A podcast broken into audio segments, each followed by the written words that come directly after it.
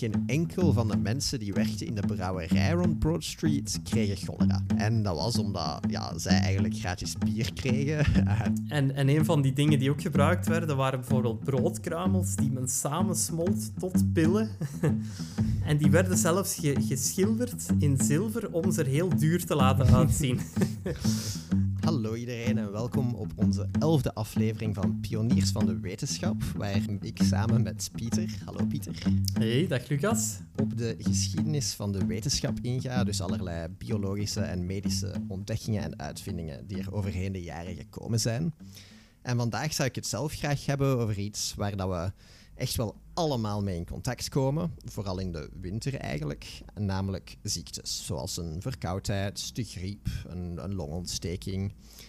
Nu, tegenwoordig weten we, of weet iedereen denk ik wel, dat ze veroorzaakt worden door bacteriën en virussen bijvoorbeeld. Maar wat dacht men eigenlijk vroeger en hoe heeft men ontdekt wat ons juist ziek maakt? Daar zou ik dus het vandaag graag over hebben. Interessant.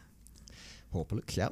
Want voor meer dan 2000 jaar lang was eigenlijk de meest algemeen aanvaarde theorie dat van miasma. En dat is een term dat, als je een trouwe luisteraar bent, je misschien nog herkent van een van onze eerste podcasts over sterilisatie. Ehm, nu, wat was dat juist? Het was eigenlijk Hippocrates die met die theorie op de proppen kwam. En het betekent in het Oud-Grieks verontreiniging. En dat was het idee eigenlijk ook, dat er gewoon slechte lucht was, die afkomstig was van rottend materiaal bijvoorbeeld. En dat zorgde voor die verspreiding van ziektes. Nu, dit geloof heerste niet enkel in Europa, want ja, vaak, vaak zijn we vrij centraal gericht op, ehm, op het Westen. Zo. Bijvoorbeeld in China stond dat concept heel lang op de voorgrond. Uh, er waren er natuurlijk ook wel enkele die het hier niet mee eens waren. Uh, zo zouden al in 1546 de Italiaanse dokter Girolamo Fracastoro voorstellen dat piepkleine zaadjes ziektes konden verspreiden, wat eigenlijk wel dicht aanleunt bij de waarheid. Eigenlijk kunnen we ons niet voorstellen hoe het geweest moet zijn. Hè? Die, die ziektes die spontaan opdoken, van, van, precies vanuit overal en ergens kwamen, zonder dan enige kennis met, van die micro-organismen. Dus enfin, het is geen wonder dat de modale mens toevlucht zocht in religie en, en uh, het bovennatuurlijke gebruikte als verklaring, hè, eigenlijk. Ja, inderdaad. Wat nu ziet daar soms absurd uit, maar ja, zolang dat je de juiste technieken en kennis niet hebt, dan ga je gewoon naar de meest logische verklaring. En soms is dat wel ja, iets goddelijk of moeraslucht in dit geval. Of, ja, ja voilà. Of, of eender wat, uh, ja. Ja.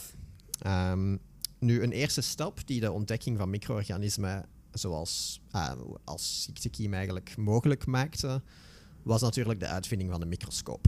Uh, in de 17e eeuw, waarbij de Nederlandse wetenschapper Antonie van Leeuwenhoek een grote rol speelde.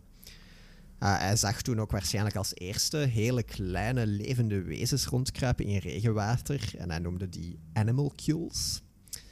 Uh, en de eerste persoon die dan opbracht dat zulke kleine organismen mogelijk ziektes konden veroorzaken, dat was de Duitse priester Kircher, die zo'n animalcules ook tegenkwam in het bloed van mensen die leden aan de plaag. Nu, waarschijnlijk zag hij eigenlijk gewoon bloedcellen um, en niet die bacteriën, maar zijn hypothese klopte eigenlijk wel, hè, dat kleine organismen in het lichaam ziektes konden veroorzaken.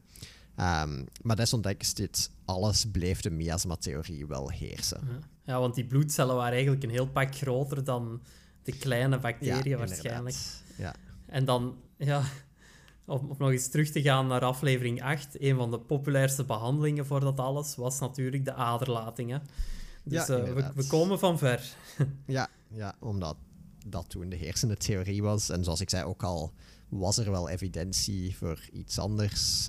Um, die miasma bleef echt wel populair. Ja, ja. Uh, echt voor heel lang, want het is pas 200 jaar later uh, dat de volgende belangrijke observatie kwam. Um, van de Hongaarse arts Semmelweis, die aantoonde dat sterilisatie het verspreiden van ziektes kon tegengaan. Nu, dat is iets dat jij al een tijd geleden besproken hebt, Pieter. Uh, maar ik vind het echt wel een interessante anekdote. En sommige luisteraars hebben het misschien vergeten of hebben het nog niet gehoord. Dus ik ga het nog kort samenvatten. Dus die Semmelweis die zag eigenlijk in twee kraamklinieken de sterftecijfers uh, heel hard variëren. Dus tussen de twee was er een groot verschil. Um, terwijl ze eigenlijk wel gewoon dezelfde technieken, dezelfde toestellen gebruikten. En een van de enige verschillen was dat eentje veel drukker was dan de andere, maar die had net lagere sterftecijfers. Dus het lag niet aan overbevolking. Dus het, enige verschil eigenlijk dat hem echt opviel, was de mensen die er werkten.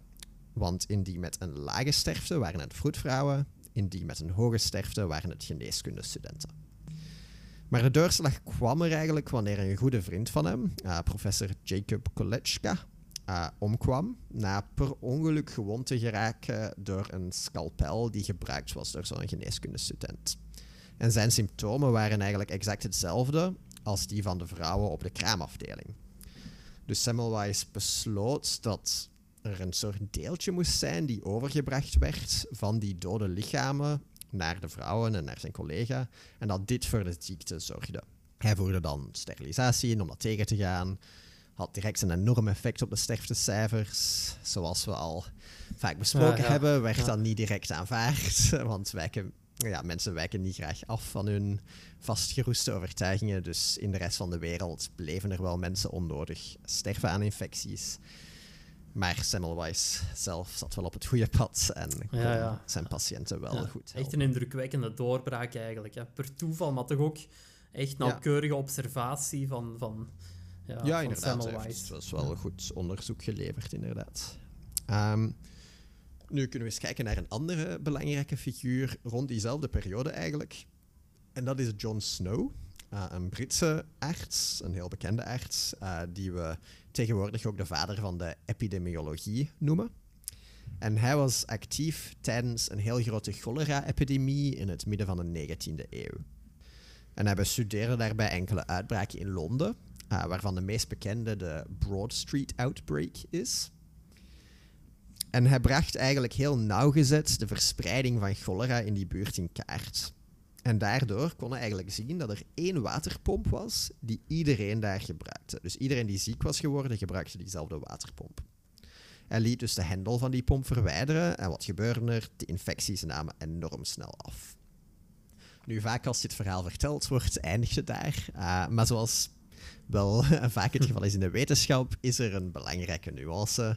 Eentje die Snow zelf ook opbracht trouwens. Namelijk, de ziektecijfers waren al aan het dalen op het moment dat hij de hendel liet weghalen. Dus misschien had het helemaal niets te maken daarmee en ging het sowieso gewoon dalen. Nu, meer overtuigende resultaten kwamen er wel van zijn studie van twee waterbedrijven, waarvan eentje eigenlijk stroomopwaarts was van Londen en dus proper water voorzag, en de andere ja, stroomafwaarts met het vuilwater. En die eerste had ook veel lagere of bijna geen ziektecijfers over de tweede. En daarmee kon hij echt wel aantonen dat het aan water lag.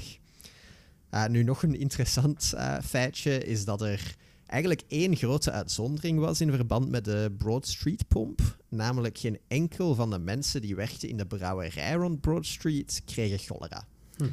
En dat was omdat ja, zij eigenlijk gratis bier kregen. Uh, dus zij dronken niet van die beruchte pomp. En het water dat door het bier gebruikt werd, alhoewel dat die wel van dezelfde bron kwam, uh, werd het tijdens het brouwproces verhit tot temperaturen die de cholera-bacterie niet kon overleven. Dus eigenlijk deden zij al zonder het te weten aan pasteurisatie. Ja, eigenlijk bij het maken van bier werd dat al vanzelf toegepast. Ja. Um, nu, je komt vaak tegenwoordig nog wel tegen uh, dat mensen in de middeleeuwen zogezegd vaker bier zouden drinken dan water, omdat het water vuil zou zijn en het bier niet. Maar ja, jammer genoeg blijkt dit eigenlijk maar zo een, een, een mythe te zijn, want uh, water was wel degelijk echt veel populairder dan bier en was ook vaak proper beschikbaar. Dus is zeker niet het geval dat al het water toen vuil was. Ja, ja. Um, je kon echt wel gewoon ja. proper water Het zal misschien ook in bepaalde steden, overbevolkte steden zijn, waar het waar een infectie wel eens opdook. Ja, maar... Londen inderdaad, ja.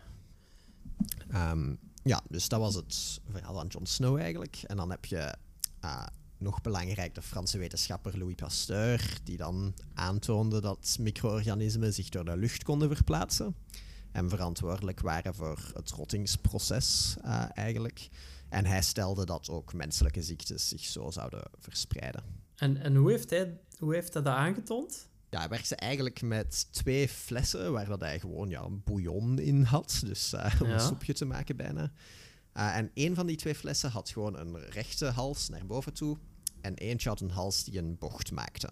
Uh, dus eigenlijk zo terug naar beneden kwam en dan terug naar boven. Um, nu, hij verhitte deze mengsels om ze te steriliseren. En hij liet ze dan enkele dagen gewoon open in de lucht staan.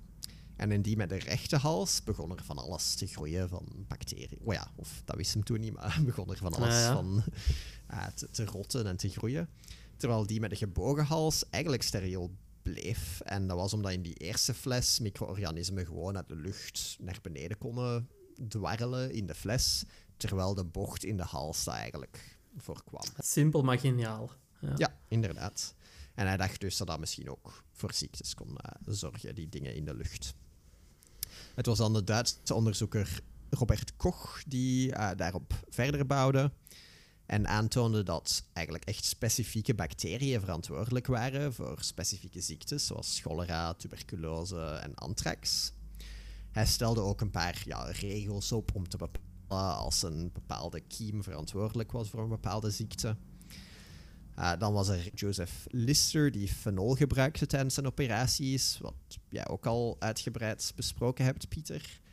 Uh, en tegen het einde van de 19e eeuw dan begon het bewijs echt wel op te stapelen en konden wetenschappers en ook overheden eigenlijk niet meer ontkennen dat de populaire miasmatheorie misschien toch niet klopte en het wel deze kleine bacteriën waren die ervoor zorgden dat we ziek worden. Uh, dus afval en rioolwater werden beter afgevoerd, medische instrumenten werden gesteriliseerd en het wassen van handen en wondes werd eigenlijk de norm. Nu, naast sterilisatie zijn er natuurlijk allerhande andere manieren om ziektes tegen te gaan. Um, vaccinatie en antibiotica, om er maar twee te noemen.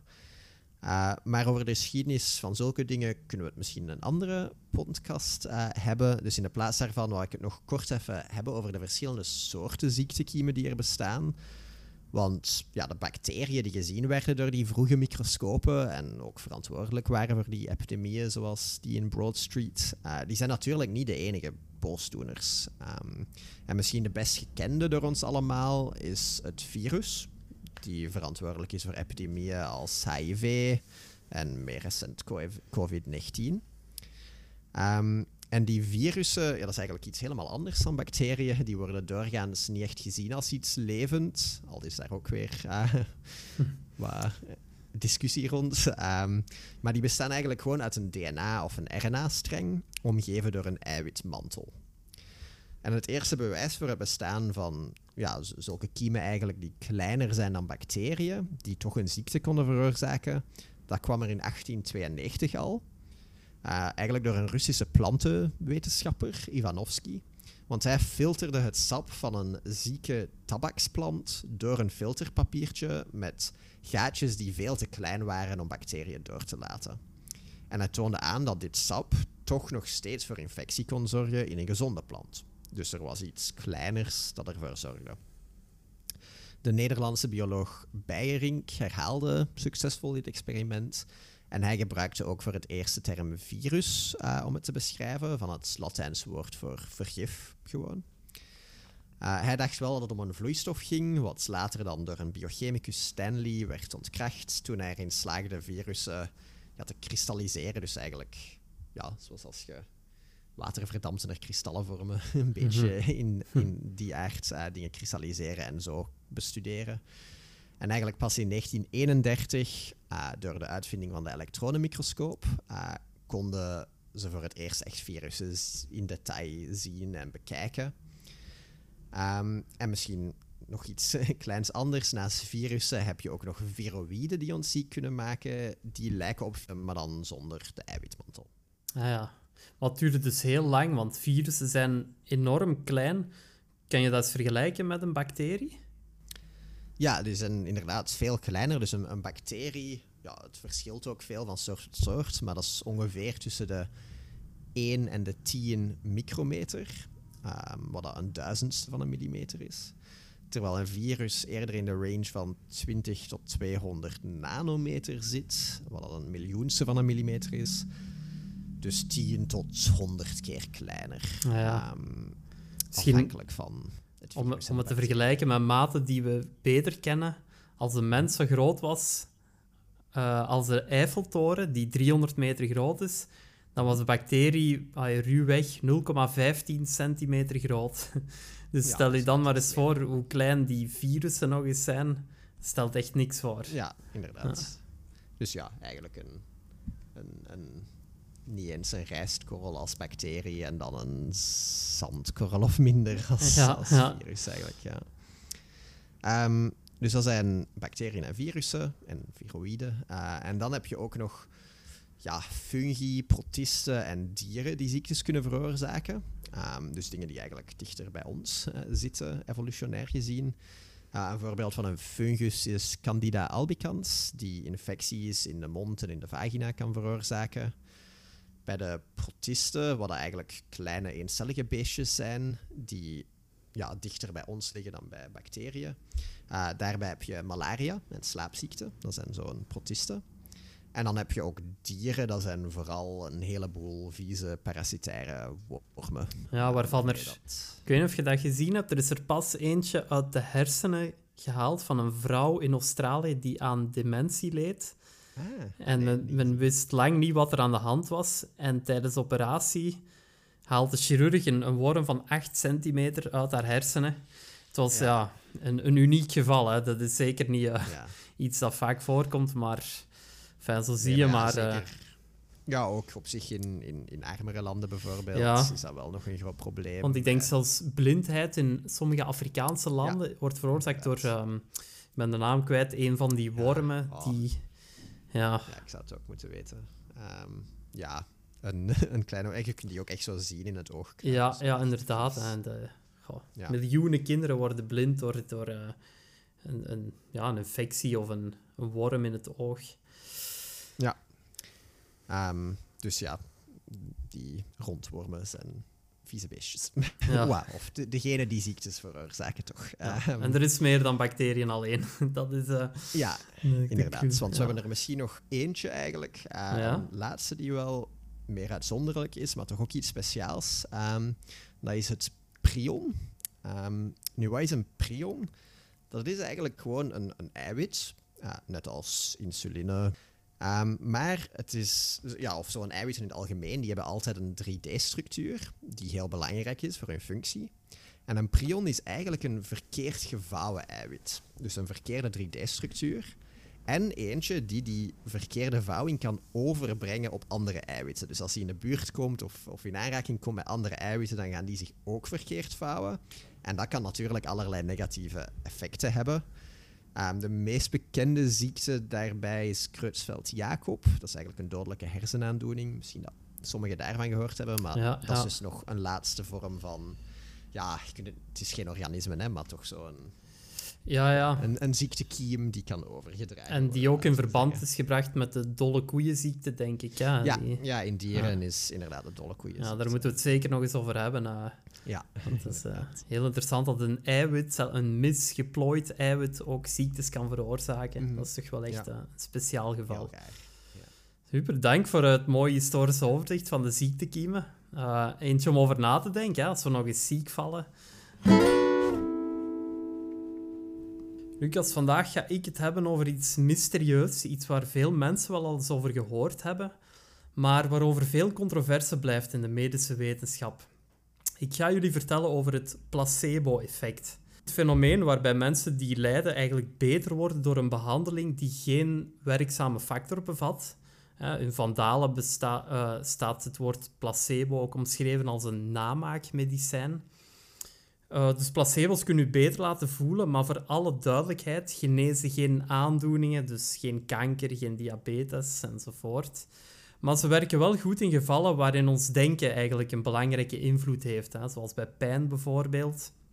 Eh, maar niet bij dingen die onder het bewuste niveau liggen. Maar bon, daar kom ik later op terug. Ja, ik was gewoon aan het denken, want ja, op zich voor echte medicijnen in sommige gevallen toch is dat ook eerder symptomatisch dat die werken. Dus is dat niet ja, eigenlijk ook het geval hier dan. Ja, ik, ik denk dat er inderdaad wel pijnmedicatie bestaat waarvan mhm. men het, het echte mechanisme niet goed kent. Maar er zijn toch wel heel wat medicijnen waar men rechtstreeks op een probleem inwerkt. Hè, door bijvoorbeeld een bepaald molecuul in het ziektemechanisme als doelwit te hebben. Ja, natuurlijk. Ja, zoals antibiotica, die ja. inwerkt op de bacterievermenigvuldiging. Uh, anti-allergische middeltjes die op histamine-receptoren blokkeren. Uh, en zelfs een aantal antipijnmiddelen, zoals dafalgan, die ook weer op een bepaald enzym inwerkt. Uh, terwijl... Ja, die hebben inderdaad ja. targets ergens in het lichaam. Ja. Voor de meeste denk ik inderdaad dat dat het geval is. Voor een placebo is het per definitie zo dat men de moleculaire mechanismen eigenlijk niet kent. Uh, als er een, een, effect is, dan weet men niet hoe dat, dat eigenlijk tot stand komt. Mhm. Uh, maar dat ze werken is zeker, en ik kan kiezen uit heel veel voorbeelden. Um, eentje is de atleten die trainen om de Alpen te beklimmen, die presteren gemiddeld beter wanneer ze aangesloten worden aan een zuurstoftank. Ook al zat er in die tank gewoon lucht en geen extra zuurstof. um, drugs met ingewikkelde namen hebben een sterker effect dan middelen met heel simpele namen. Uh, en een ander intrigerend voorbeeld dat gepubliceerd is, kwam van mensen bij wie een wijsheidsstand werd getrokken. En na de operatie werd de kaak van die patiënten gemasseerd met een machine die ultrasone golven uitzond. En de overgrote meerderheid zei, ah, ik voel me wel echt een pak beter, hoewel in wezen bij de helft van de patiënten die machine gewoon uitstond. Ja, dat vind ik dus- direct al een aantal uh, voorbeelden om te beginnen. Want ook, ja, werken het placebo dan even goed als het echt toedienen van zuurstof bijvoorbeeld, of ultrasone golven, of was het wel nog een minder groot effect? Wel, in sommige gevallen is het effect effectief even groot. Um, in het geval van die ultrasone golven nam de zwelling met 35% af in vergelijking met de controlegroep. Um, en normaal gezien worden er zelfs geen ultrasone golven toegepast als pijnbehandeling. Dus ik denk niet dat de placebo's in alle gevallen even goed scoorden, maar dat er een effect is, is, is heel zeker en is echt meetbaar in vergelijking met de controlegroep die niks krijgt. Dus, enfin, we gaan eens kijken waar dat, dat eigenlijk vandaan komt, hè, die placebo's. Of er eigenlijk misschien toch niks geweten is over hun werkingsmechanisme. Of dat het misschien gewoon een trucje is van ons brein. Hè. Um, en eigenlijk moeten we teruggaan naar de vierde eeuw na Christus toen een zekere Sint Jeromus voor de eerste keer de term munten in de vertaling van de Bijbel, uh, waarin staat placebo domino in regioni vivorum, heel mooi Italiaans voor uh, I will please, ik zal behagen, wat eigenlijk ja, niet echt veel betekent. de term duikt ook op in de verhalen van Canterbury, waarin Chaucer schreef Flatterers are the devil's chaplains, always singing placebo. En placebo betekent daarin, ik zal in de smaak vallen. Hè, dus een beetje dezelfde betekenis in een soort van literaire context. Ehm, maar vanaf de 18e eeuw maakt placebo ook ingang in de medische literatuur. En er is het, het boek van Dr. Robert Pierce uit 1763, eh, waarin hij een visite beschrijft aan zijn vriendin die ziek in bed ligt. En aan haar zijde staat een zekere dokter Placebo. Een piekfijn, uitgedost, verzorgd man die medicijnen voorbereidde voor zijn patiënt. En dokter Piers vraagt aan zijn vriendin hoe het gaat met haar en ze zegt... Ah, heel goed, mijn goede vriend de dokter is me juist aan het behandelen met goede druppels. En dus eigenlijk leek hij met zijn geschriften te impliceren dat het positieve effect van die dokter Placebo eigenlijk kwam van zijn houding naast het bed in plaats van de eigenlijke inhoud van die druppels uh, die aan het voorbereiden was. Oké, maar gewoon om toch even te checken, is het, ja, was dat metaforisch bedoeld of was dat een echte dokter placebo die daar... Uh, ik denk dat het een echte dokter was, maar dat het toch wel metaforisch bedoeld was. Uh, gebruikmakend van die originele betekenis, dat iemand probeert goed te doen voor een ander, eigenlijk. Ja, dus daar, daarmee die term eigenlijk uit de literatuur halend. En uiteindelijk wordt dan het woord placebo ook echt gebruikt om een behandeling te beschrijven. Uh, in, in 1752 is de Schotse verloskundige William Smalley de eerste persoon die die term gebruikt in die context. En hij schrijft: It will be convenient to prescribe some innocent placemus, wat placebo betekent, that she may take between whiles to beguile the time and please her imagination. Dus het gaat echt duidelijk om een namaakmedicijn om de patiënt eigenlijk het idee te geven dat ze geholpen wordt. Ja. Uh, Vanaf de 18e eeuw vindt die term ook ingang in klinische studies. En eigenlijk in die zin gebruikt men de term placebo vandaag nog altijd om de werking van een geneesmiddel te testen in wat men dubbelblinde klinische studies noemt. Dus daarin worden patiënten eigenlijk in twee willekeurige groepen van een gelijke grootte ingedeeld. De ene groep krijgt het geneesmiddel en de andere groep krijgt een placebo. En, en eigenlijk nog dokters, nog patiënten weten wie wat gekregen heeft. Hè, vandaar dubbelblind. En als achteraf blijkt dat het geneesmiddel een beter effect teweeg brengt dan de placebo, dan is eigenlijk aangetoond dat het werkt en kan het geneesmiddel op de markt gebracht worden. Um, en de eerste echte klinische studie die gebruik maakt van, van dat principe, die ontstond in 1796. Want toen verwierf de Amerikaanse dokter Elisha Perkins een patent op een behandeling met twee metalen staven, uh, waarvan hij zei dat ze een pathogene elektrische vloeistof wegleiden van het zieke lichaam. Uh, weer een van die absurde uh, theorieën, maar goed. De behandeling wordt heel populair, bereikt Groot-Brittannië drie jaar later. Maar er is tegenkanting van een zekere dokter John Haygard. Die zei, dat is allemaal uh, nep, dat is allemaal fake. Dus hij zei, oké, laten we eens testen of dat het waar is of niet. En hij stelde voor de eerste klinische studie ooit te houden. En wat hij deed was, hij maakte twee houten staven en schilderde die in dezelfde kleur als die metalen staven zodat die identiek waren aan die van Perkins. Maar dus omdat die van hout waren, ja, konden ze geen elektriciteit geleiden. En dus uh, bracht hij tien patiënten samen, waarvan vijf behandeld waren, werden met de echte metalen staven en vijf met de houten staven. Ja, en daaruit bleek natuurlijk dat die placebo's eigenlijk even goed werkten bij iedereen. En dat wil dan niet zeggen dat die staven niet werkten. Hè. Uh, hij had eigenlijk aangetoond dat het niet via elektriciteit was dat die staven werkten, maar die valse staven werkten eigenlijk even goed. En hij schreef dat dan toe aan ja, de kracht van geloof, uh, zoals in de tijd vaker het geval was. En dus meer en meer werd dat eigenlijk de standaard manier om te testen of een, een bepaalde behandeling of een geneesmiddel effectief was of niet, tot op de dag van vandaag. Ja, en ook ja, dat effect dan van uh, de kracht van het geloof, dat is waarschijnlijk ook het geval voor veel van die pseudo-wetenschappelijke geneesmiddelen tegenwoordig. Dat ze dus toch soms een klein positief effect kunnen hebben op symptomen. Ook al is er eigenlijk ja, de theorie die ze eraan plakken, zoals bij die metalen staven, eigenlijk uit de lucht gegrepen. Ja, ja correct. Hè. En, en je voelt de controversen al opkomen, uh, dus dat zou heel goed kunnen. Ze worden soms een beetje verkocht hè, met, met de, in de kleine letters wetenschappelijk bewezen dat ze werken. Maar dat wil niet zeggen dat men eigenlijk begrijpt hoe ze werken. Hè? En, en het voorgaand voorbeeld toont heel goed aan ja, dat er eender wat kan, hè? als je de studieopzet juist uh, voorstelt. Aan de andere kant zouden sommige middeltjes die, die vallen onder homeo homeopathie bijvoorbeeld misschien wel een werkende factor kunnen bevatten, maar ja, kennen we die gewoon niet of is die niet wetenschappelijk geanalyseerd? Hè?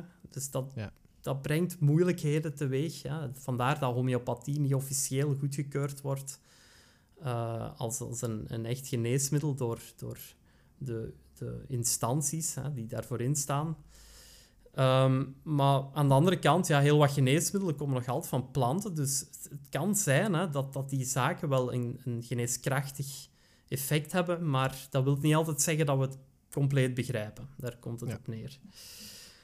Maar Enfin, tegelijkertijd was de kracht van dat neppen en het faken wel echt ja, heel duidelijk. Hè. Men behandelde in de 18e en de 19e eeuw dikwijls mensen met een, een onderliggende aandoening die, ja, waar, waarvan men niet goed wist wat doen, behandelde gewoon met placebo's.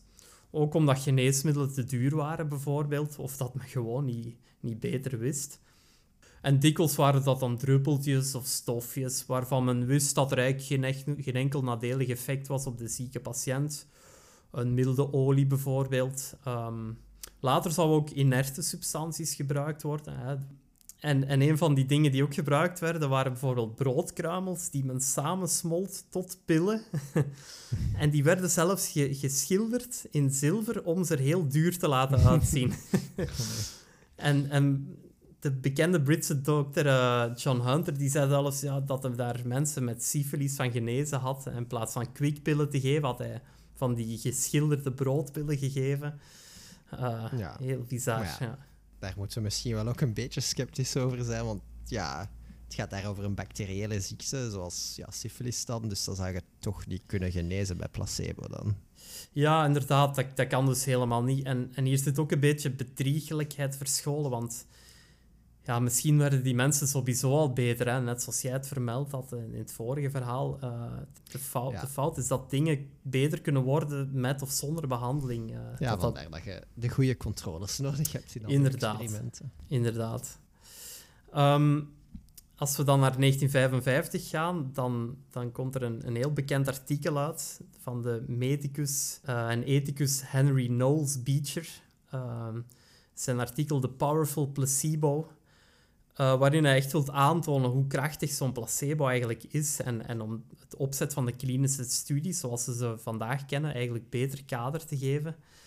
En zijn passie voor placebo's kwam van zijn tijd aan de frontlinie in Zuid-Italië tijdens Wereldoorlog 2. Um, ehm, waarin in een zekere passage beschrijft hij dat ja, op een gegeven moment was de morfine op en, en toen zag hij iets dat hem omverblies. Uh, verpleegsters injecteren gewonden maar onwetende soldaten met zoutwater in plaats van morfine.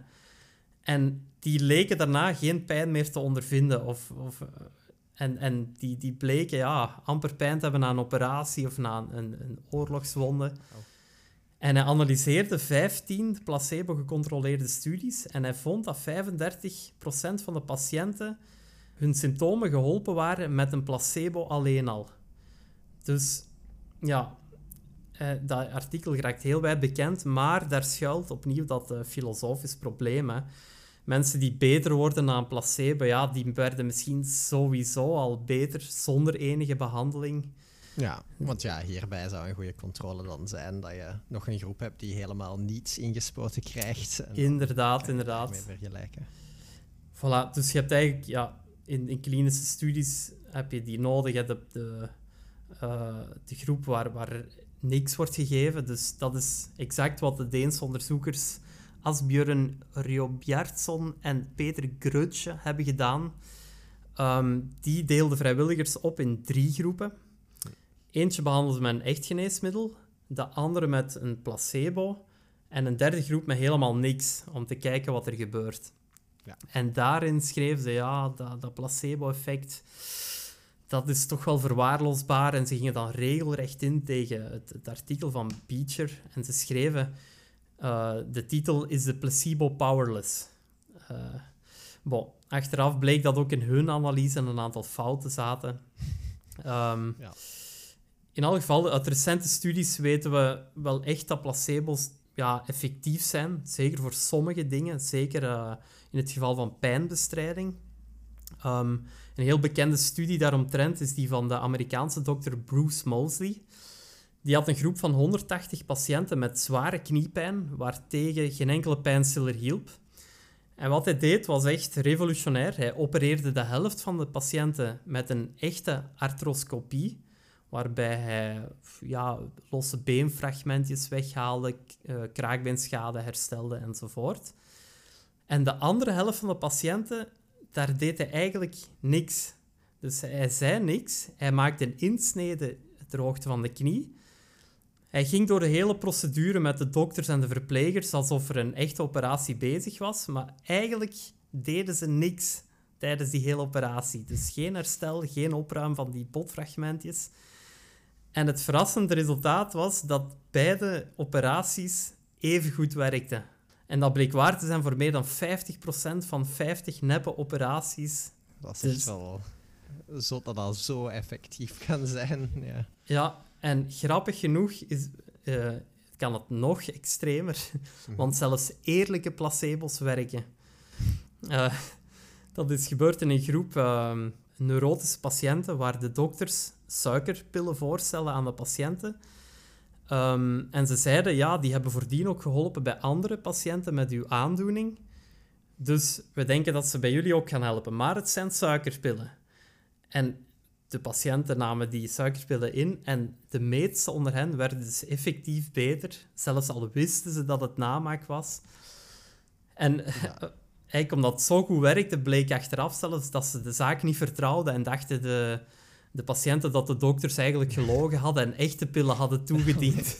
ja, dan ga echt inderdaad nog wel een, een stapje verder eigenlijk. Het is echt wel indrukwekkend dat het nog steeds werkt, ook al weet je dat er helemaal geen actieve stof in zit.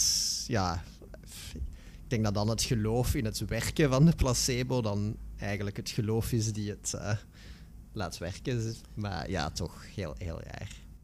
Ja, en, en dat brengt ons misschien bij, bij de laatste vraag en de conclusie van het verhaal. Hoe werken die placebo's dan? Hè?